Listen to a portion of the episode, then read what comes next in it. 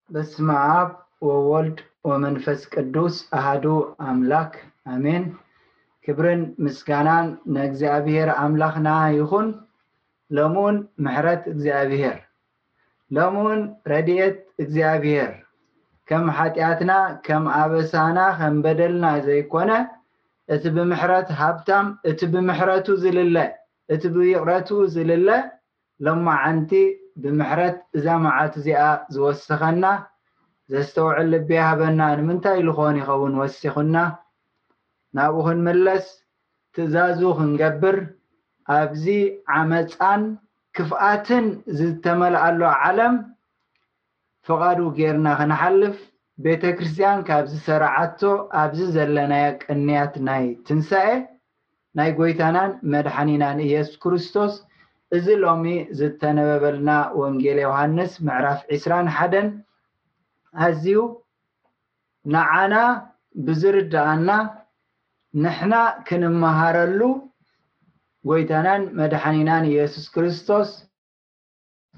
ነቲ ሃዋርያን ኣገልጋልን ዝነበረ ቅዱስ ሃዋርያ ጴጥሮስ ሰለስተ ግዜ ዝሓተቶ ሕቶ ሎሙን እዚ ሕቶ እዚ ኣቦታት ኣዴታት ኣሕዋት ውሉድ ኩልኻትኩም ናይ ክርስቶስ ቤተሰብ በዛ ብምሕረት እግዚኣብሔር ዝረኸብናዮ መዓልቲ ነዚ ቃል ኣምላኽ እዚ ትሰምዑ ዘለኹም እዚ መልእኽቲ ንዓይን ንዓኻትኩምን እዩ። እንታይ እዩ ዝብል ዘሎ? ኢየሱስ ካብዚኣቶምዶ ኣብሊጽካ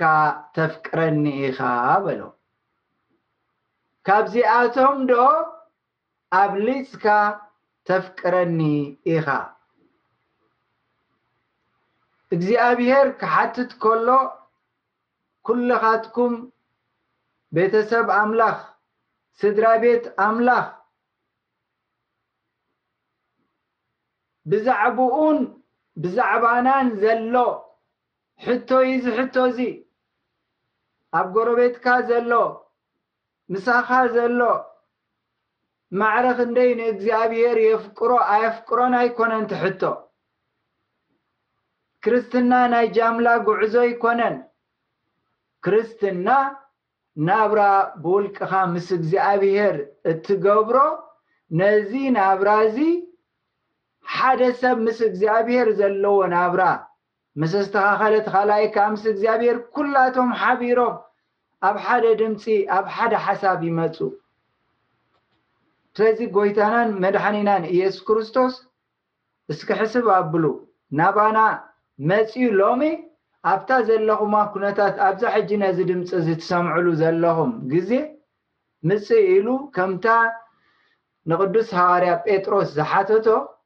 መጽዩ ካብ ኩሉ ነገር ኣብሊጽካ ንዓይ ዶ ተቀድም ንዓይ ዶ ተፍቅር ንዓይ ዶ ትእዘዝ መን ኣሎ ብ ልብካ ቀዳማይ ዝተሰረዐ መን ኣሎ ካባይ ንላዕሊ ካብ ትእዛዘይ ንላዕሊ ኣብሊጽካ ንትእዛዘይ ኣቀዲምካዮ ዘለካ ነገር ኣሎ ድዩ ኣሎ ድዩ እስኪ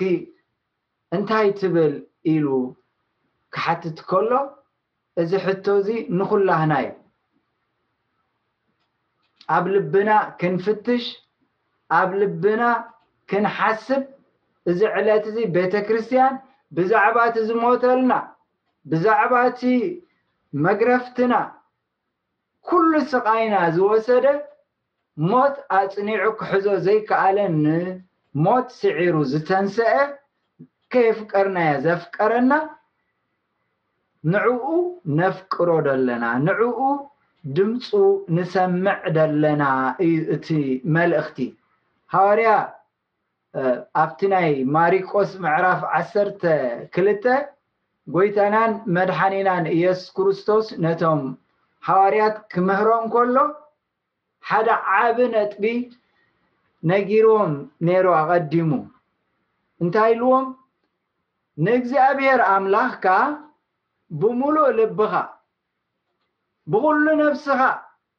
ብኹሉ ሓይልኻ ብኹሉ ሓሳብካ ኣፍቅሮ። እዚኣ ነጥቢ እዚኣ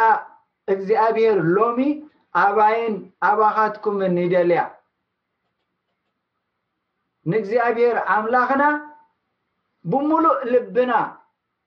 ብኹሉ ነፍስና ብኹሉ ሓሳብና ብኹሉ ሓይልና ከነፍቅሮ ቂድሚ እዚ ዝኾነ ኣብ ልብና ዝስራዕ ከይህሉ እታ ቀዳመይቲ ትእዛዝ እዚኣ እያ እንድሕር ኢሉ ቃል እግዚኣብሔር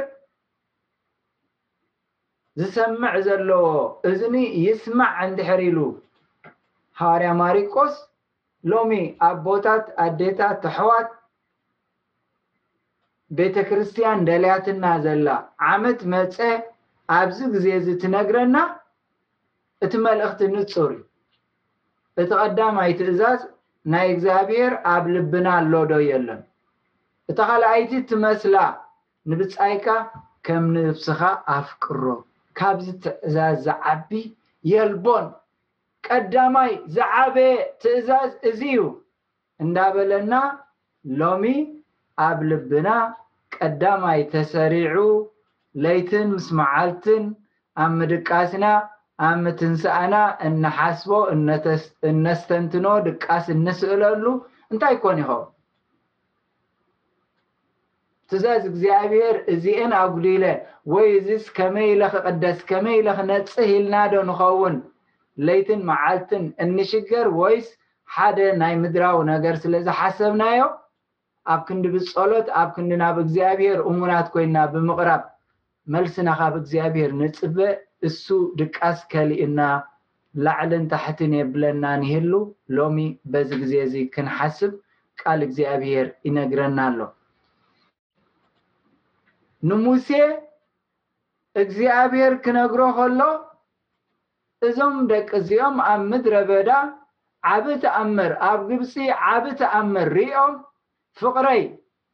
ምሕረተይ ረድኤተይ ጉስነተይ ንዖኦም ዘሎ ሪኦም ምርዳእ ዝሰኣኖም ዓይነት ህዝቢ ስለዝኾኑ እዚ ነገር እዚ ንገሮም ኢልዎ ኣብ ዘዳግም ምዕራፍ ሽዱሽተ ካብ ክልተ ክሳብ ትሽዓተ ሲ ንሙሴ ነዞም ህዝቢ ከምዚ በሎም ኢልዎ ንስኹምን ንስኻን ወድኻን ኣስተብዕሉ ንስኻ ውላድካ ደቅኻ ደቂ ደቅኻን ሙሉእ ዕድሜኹም ንእግዚኣብሔር ኣምላኽኩም ምእንቲ ክትፈርሑ ምሉእ ዕድመኦም ዝተወሰነ ነገርና ውግን ኣቢልና ዳሕራይሲ ናይ እግዚኣብሔር ክንገብር ካብኡ ንእግዚኣብሔር ክንፈርሖ ዝብል ጽሑፍ ኣብ መጽሓፍ ቅዱስ ኣይተጻሕፈን ንእግዚኣብሔር ዘፍቅር ተኾይኑ ኣብ እርግንኡ፣ ኣብ ንእስነት ዕድሙ፣ ኣብ ኩሉ ዕድመ እዩ ንእግዚኣብሔር ድሉው ኮይኑ ዝእዘዝ። ኣብዚ ጽሑፍ እዚ ዝብል ዘሎ ሙሉእ ዕድመኻ ምእንቲ ክትፈርሆ ዕድሜኻ ድማ ምእንቲ ክነውሕ ንእግዚኣብሔር ምፍራሕካ ትእዛዙ ብምፍቃርካ ዕድሜኻ ምእንቲ ክነውሕ እዚ ኣነ ዝእዘካ ዘለኹ ኩሉ ትእዛዛት ሕጋጋት ሓሉ ኢሉ እዚ ሓልዎ ንስኻ ድማ ንእግዚኣብሔር ኣምላኽካ ብኹሉ ልብኻ ብኹሉ ሓይልኻ ብኹሉ ነፍስኻ ፍተዎ ንደቅኻ መሃሮም ኣብ ቤትካ ኮፍ ኣብ ምባልካ ኣብ መንገዲ ክትከይድ ኮለኻ ኣብ በጥ ምባልካ ኣብ ምትንሳእካ ብኡ ተዛረብ ቃል እግዚኣብሔር ዝብል ካልእ ንሕና እንነብሮ ካልእ ኣቦታት ኣዴታት ኣሕዋት ውሉድ ናይ ክርስቶስ ቤተሰብ ሕቆን ከብድን ክንከውን ዘይኮነ ምስ እግዚኣብሔር ሲ ልቢ ንልቢ ክንከውን ቤተ ክርስቲያን ዓመት መፀ እዚ ንጴጥሮስ ተዛሪብዎ ታሪኽ ጴጥሮስ ከኣ ከምዚ ኢሉ መሊስሉ ኢላ ዛንታ ኣይኮነትን ተዘንቱ። ንስኻኸ ኣብ ናይ ጴጥሮስ ኣቲኻ ንስኹምከ ንሕናኸ እንታይ ኮን ንገብር ኣለና? ንደቅኹም መሃርዎ። ኣብ ኮፍ ምባልኩም፣ ኣብ መንገድኹም፣ ኣብ በጥ ምባልኩም፣ ኣብ ምትንሳእኩም ብኡ ተዛረቡ። ሎሚ ኣእምሮና ቀልብና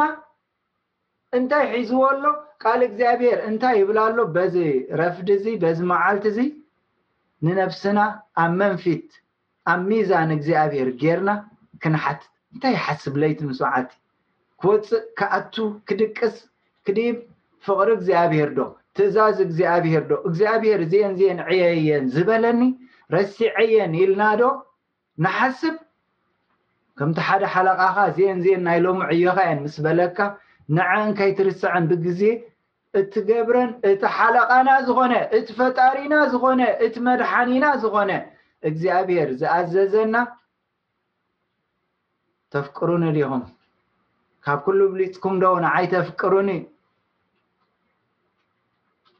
ኢሉ በዚ ቅዱስ ዕለት እዚ ብዛዕባ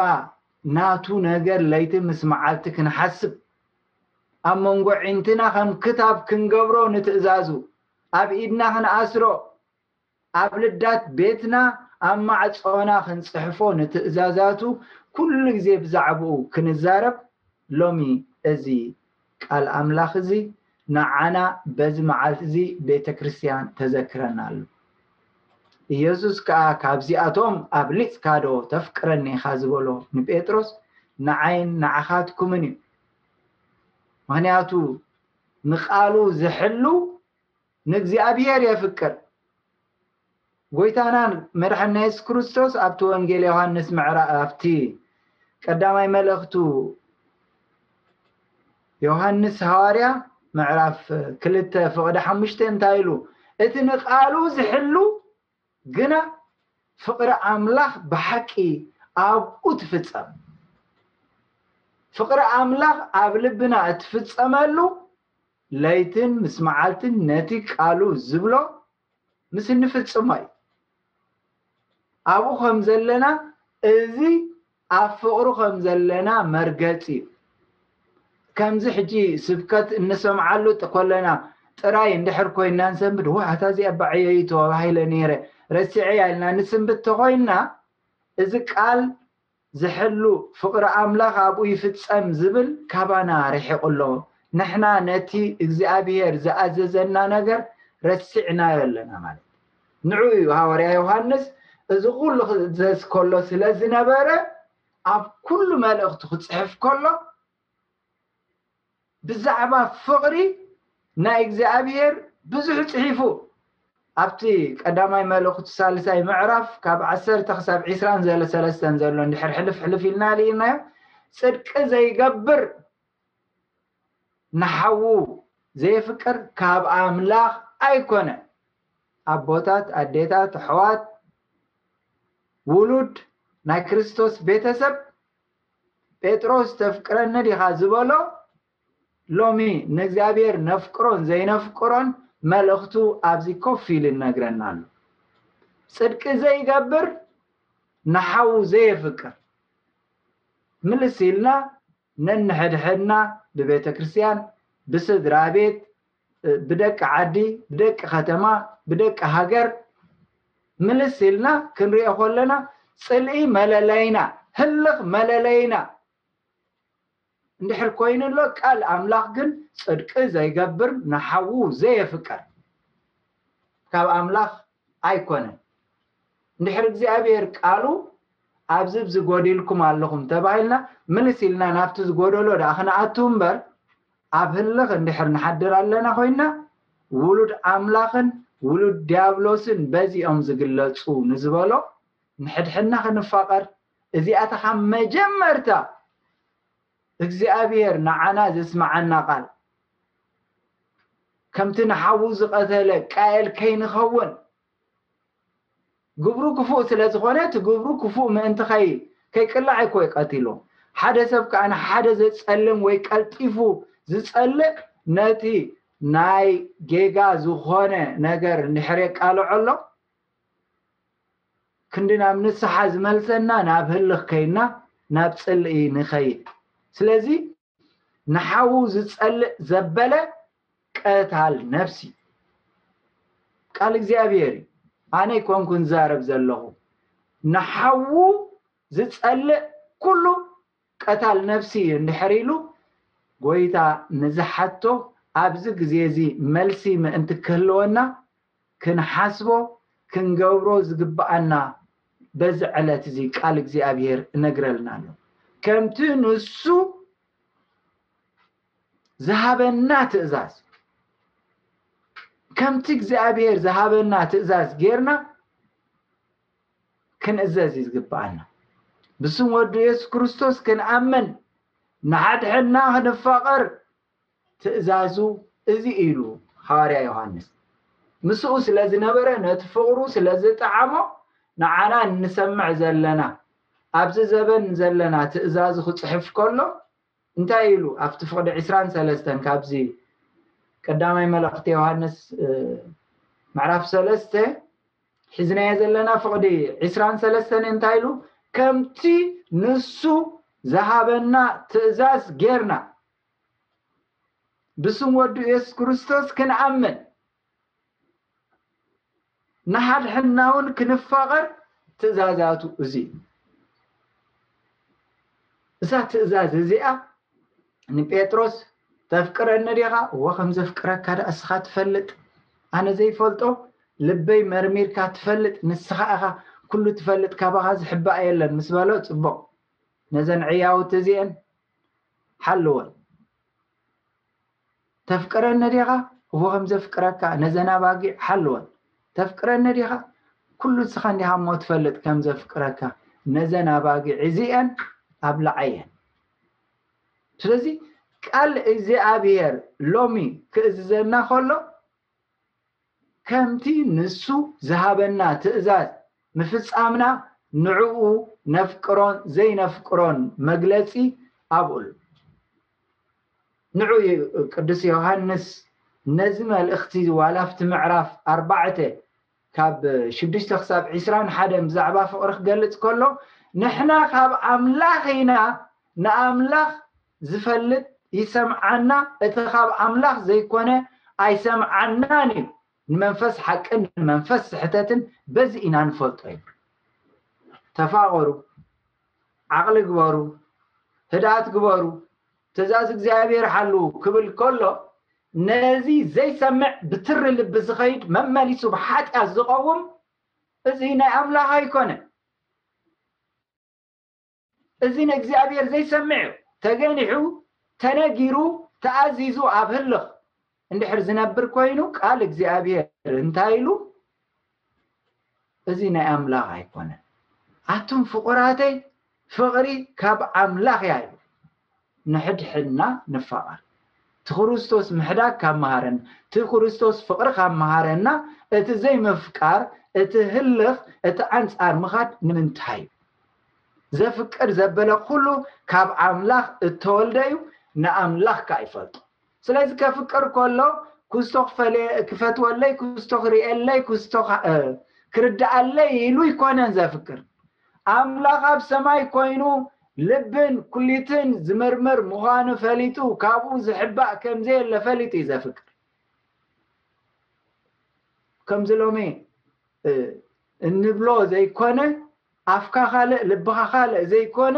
እቲ ዘፍቅር ቃል እግዚኣብሔር ክነግረና ከሎ ነገሩ ምስ እግዚኣብሔር እዩ ምስቲ ጥቕኡ ዘሎ ሰብ ምስቲ ዝቐርቦ ዘሎ ሰብ ዋላ ሓንቲ ጉዳይ የብሉ ከፍቅር ከሎ ብመጠን ንእግዚኣብሔር ኢሉ እዩ ዘፍቅር ኣምላኽ ፍቕሪ እሞ እቲ ዘየፍቅር ንኣምላኽ ኣይፈልጦን ኢሉ። ሎሚ ብትሪ ነዚ ቃል እዚ ክንብሎ ንክርስቶስ ዝወዓለሉ ውዕለት ንክርስቶስ ዝሞተሉ ሞት ንክርስቶስ ዝተንስኣሉ ትንሳኤ ፍቕሪ ኣብ ምድርና ኣብ ዓለምና እንዳጠፈኤ ክኸይድ ከሎ ከም ንቡር እንዳወሰድናዮ ከይንኸይድ እንታይ ኣለዎ ደሓን እዩ ደሓን እዩ ዝብል ኣብቲ ናይ ሰይጣን መስመር ኣትዩ ኣሎ ንኣምላኽ ኣይፈልጦን እዩ ኣምላኽ ሕድገት እዩ ኣምላኽ ጸዋር እዩ ኣምላኽ ዘመሃረናስ ይቕረ በሉ ይቕረ ክበሃለልኩም እዩ ሕደጉ ክሕደገልኩም እዩ ተባሂልና ኢና ተነጊርና እምበር ኣብ ህልኽ ኣብ ቂምታ ቃል እግዚኣብሔር ክነግረና ከሎ እግዚኣብሔር ኣብኡ የሎን ብናይ ሓጢኣትና መተዓረቂ ክኸውን ኢሉ ወዱ ዝሰደደልናስ ካብዚ ህልኽ እዚ ክንወፅእ ኢሉ እዩ ንሕና በዚ ፍቕሪ ካብ ተፈቐርና ንሕና ከኣ ከነፍቅር ይግበኣና። ኣብታ መደምደምታ ናይ ምዕራፍ ኣርባዕተ ካብ ሽዱሽተ ክሳብ ዕስራን ሓደን ብፍላይ ኣብቲ ዓሰርተ ክልተ ነቲ መልእኽቱ ከጠቓልል ከሎ ሓደ እኳ ንኣምላኽ ዝረኣየ የልቦን ንሓድሕድና እንተተፋቐርና ኣምላኽ ኣባና ይነብር ፍቕሩ ናባና ትጸንዕ። ነቲ ኣምላኽ ኣባና ዘለዎ ፍቕሪ ፈሊጥናዮ ኣሚንናዮ እንተ ኾይንና በዚ ንኸይድ እዩ። ምኽንያቱ ኣምላኽ ፍቕሪ እዩ፣ እቲ ኣብ ፍቕሪ ዝነብር ኣብ ኣምላኽ ይነብር። ኣብ ፍቕሪ ምንባር ማለት ንኣምላኽ ፈሊጥካዮ ልብኻ ኩሊትካ ኩሉ ነገርካ ዝኽወሎ ነገር የለን ኢልካ ምስኡ ጥራይ ብትሓስቦ ናብራ ምንባር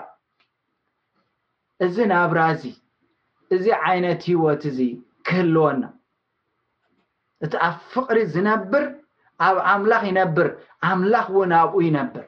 ስለዚ ምስ ኣምላኽ ኣለና እንዳበልና ካብ ኣምላኽ ርሑቓት ኮይና ከይንርከብ ቤተ ክርስትያን ዓመት መጸ ነዚ ንባብ እዚ ትነብብ ነዚ ስብከት እዚ ትሰብኽ ሄይ ነብስኹም ፈትሹ ንኣምላኽ ተፍቅሩ ዲኹም እሞ ትእዛዙ ሓልዉ እሞ ከምቲ ዝበለኩም ንበሩ ከምቲ ድላይኩም ከምቲ ትሓስብዎ ናይ ምድሪ ኣይኮነን እግዚኣብሔር ዝሓትት ከሎ ከኣ ካብ ኩሉ ደብሊጽካ ተፍቅረኒ ኢኻ ኢሉ ክሓትት ከሎ እንታይ ኣብ ልብና ሒዝዎ ኣሎ ምኽንያቱ እታ ፍጽምቲ ፍቕሪ ንፍርሓት ተባርር እያ ገጻ ኣይትሸውርርን ኣይትስከፍን ኩሉ ቅሉዕ ዝኾነ ንኣምላኽ ኢላ ትነብር ሂወት ሰብ ዝበለ እንተበለ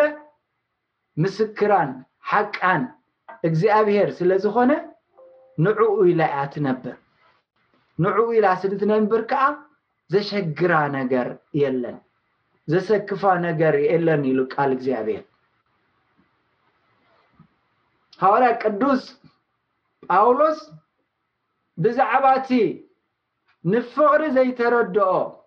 ንፍቕሩ ዘይፈለጠ ኣብቲ ቀዳማይ ቆሮንጦስ ምዕራፍ ዓሰርተ ሰለስተ ብምሉኡ ናይ ፍቕሪ መልእኽቲ ሓደ ምዕራፍ ምሉእ ክዛረብ ከሎ ሰባት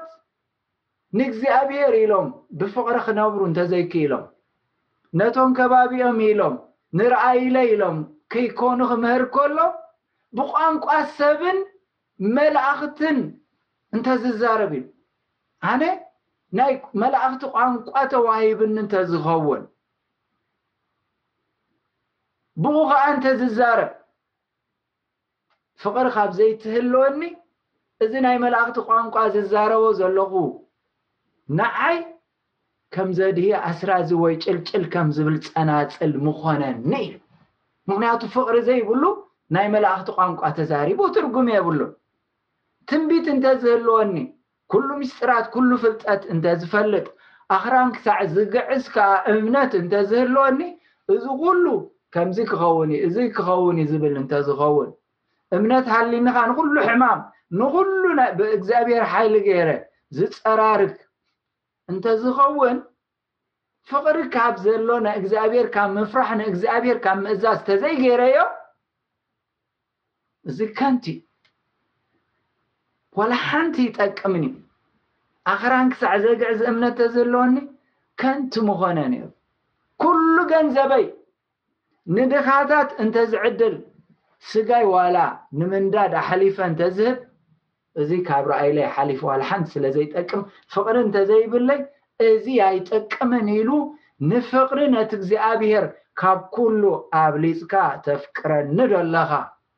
ኢሉ ንዝሓቶ ዘሎ መልሱ እንገብሮ እንነብሮ ንኣምላኽ ኢልና እንተዘይኮይና ንዝኾነ ካብ ኣምላኽ ወጻኢ እንገብሮ ኣብ ቂድሚ ኣምላኽ ዓስቢ የለን።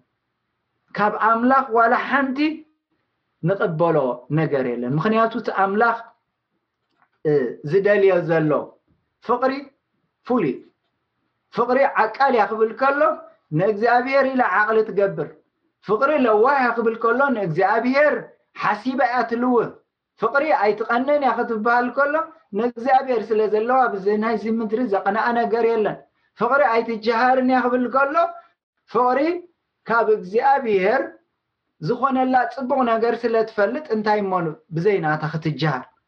ፍቕሪ ተስተሓፍርን እያ ምሕረት ዝገበረላ ከመይ ገይራ እያ ምሕረት ክትከልእ ፍቕሪ ናታ ኣይትደልን እቲ ናታስ ናይ ኣምላኽ ምዃኑ ፈሊጣ እዚ ናይ ኣምላኽ ንኹላህና ይኣኽለና እዩ እያ ትብል ፍቕሪ ኣይትምረርን እያ ፍቕሪ ኣይትቕየምን እያ ፍቕሪ ብሓቂ ትሕጎስ ፍቕሪ ብዓመፃ ባህ ኣይብላን እዩ ፅቡቕ ኮነ እንቋዕ ኮነ ኣይትብልን እያ ነስተውዕሎ ፍቕሪ ምስ ኣምላኽ ኢልካ ኩሉ ምፅዋር ኩሉ ምእማን፣ ኩሉ ተስፋ ምግባር፣ ኩሉ ምዕጋት እዩ። ናብ ላዕሊ ዝጠመተ፣ ንዓይ ቀዳምነት ትሰርዑ ደለኹም፣ ኩሉ ትገብርዎ ንዓይ ርኢኹም ትገብርዎ ደለኹም ኢሉ ንቅዱስ ሃዋርያ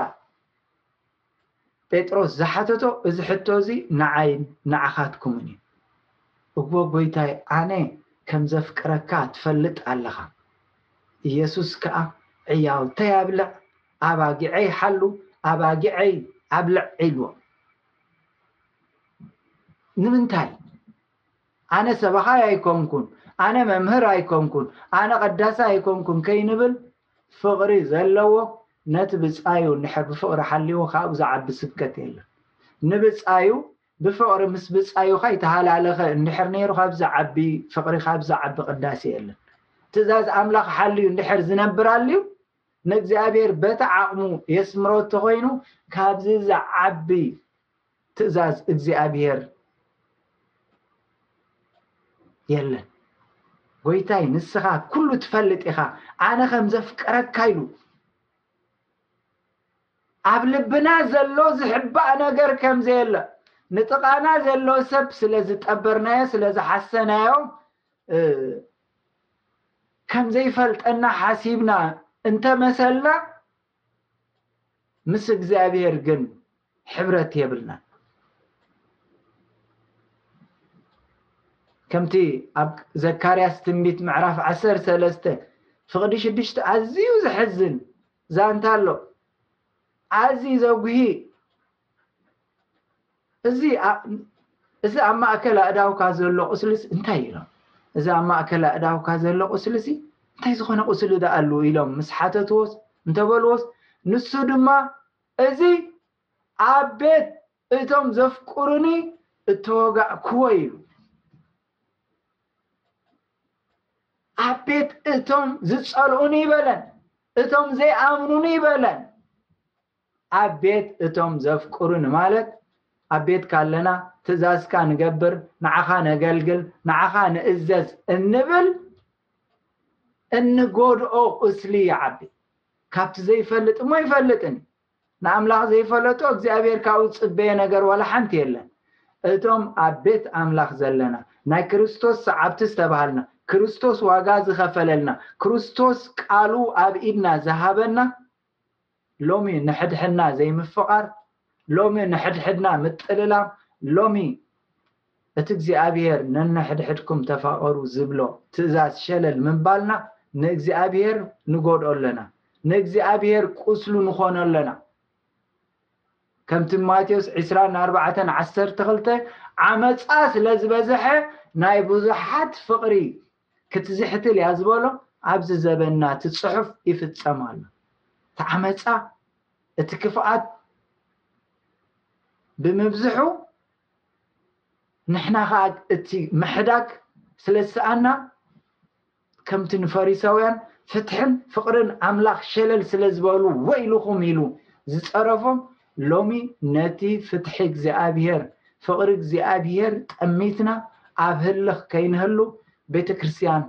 ነዚ ቃል እዚ ትነግረና ኣላ ተዘኻኽረና ኣላ እርደኣኩም ዶ ኣሎ ንስኻትኩም ቀዳምነት ክትሰርዕዎ ዝግባእ ንእግዚኣብሔር ምፍቃር ካብ ኩሉ ብሊጽኩም ተፍቅሩኒ ዶ ኢሉ ንጴጥሮስ ዝሓተቶ ንዓኻትኩም እዚ ሕቶ እዚ ምዃኑ ትፈልጡ ዶ? ከምቲ ሃዋርያ ቅዱስ ጳውሎስ ንሰብ ሮሜ ክጽሕፈሎም ከሎ ዓሰርተ ክልተ ትሽዓተ ፍቕሪ ብዘይ ግብዝና ትኹን ንኽፍኣት ፈንፍንዎ ኣብ ሰናይ ልገቡ ንኽፍኣትሲ የዕበልዎ ከምዚ ዝጨንው ነገር ተርሕቆ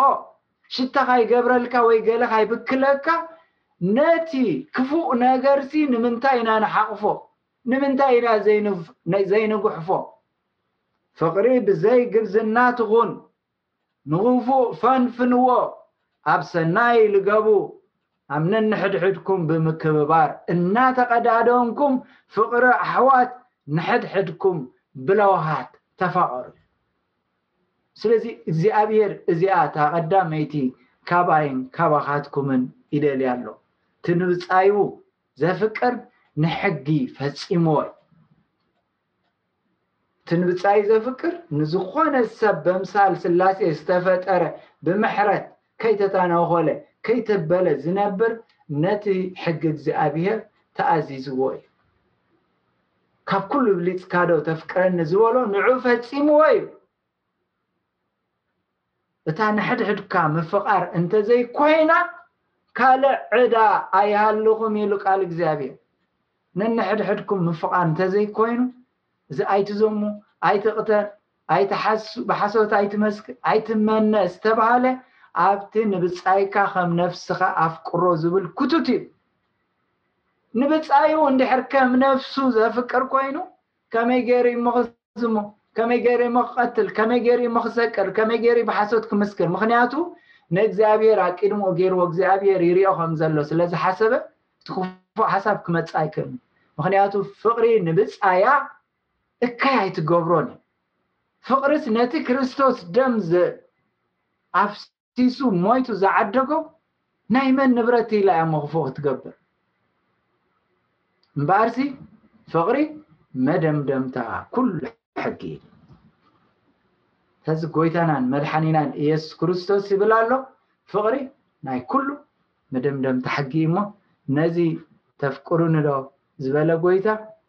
ተኣዚዝና ክንነብር እግዚኣብሄር ይሓግዘና